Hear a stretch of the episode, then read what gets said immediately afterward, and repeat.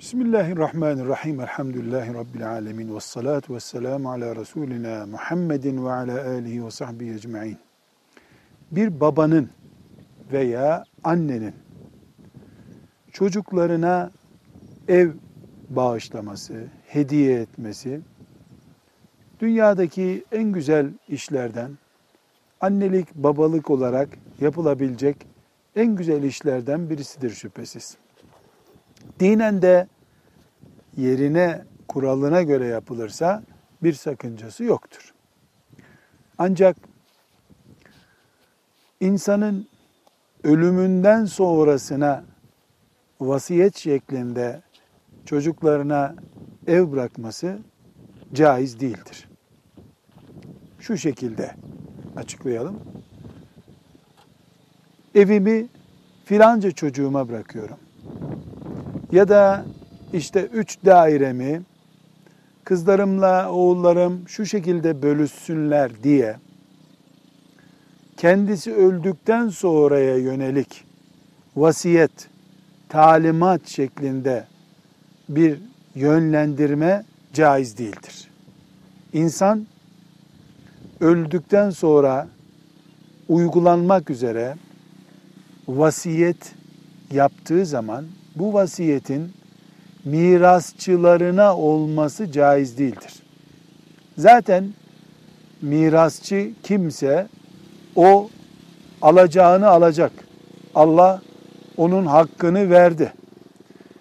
Mesela beş oğlu olan birisi çocuklarından bir tanesine ilave bir vasiyet yapmamalıdır.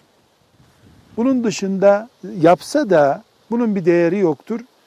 Varisçiler yani diğer varis olanlar onaylamadıkça geçerliliği olmaz bunun. Bir baba veya anne çocuklarından birisine sağlığında özel bir muamele yapabilir mi? Mesela beş çocuğu olan birisi çocuklarından bir tanesine özel bir daire verebilir mi? Veya bir dükkanın kirasını özellikle ona verebilir mi? Burada iki durum var. Mesela engelli bir çocuğu kollamak için, sağlığı iyi olmayan bir çocuğu kollamak için, sağlığında iken, ölmeden dairenin birisini o çocuğa hediye edebilir. Bunda bir sakınca yoktur. Bunun dışında çocuklarından birisine bir daire verip diğer çocuklarını kenarda bırakmak zulümdür. Her zulüm kıyamet günü muhakkak hesabı verilecek şeydir. Bunun için çocuklara mal dağıtırken insan kendi sağlığında bunu eşit bir şekilde yapmalıdır.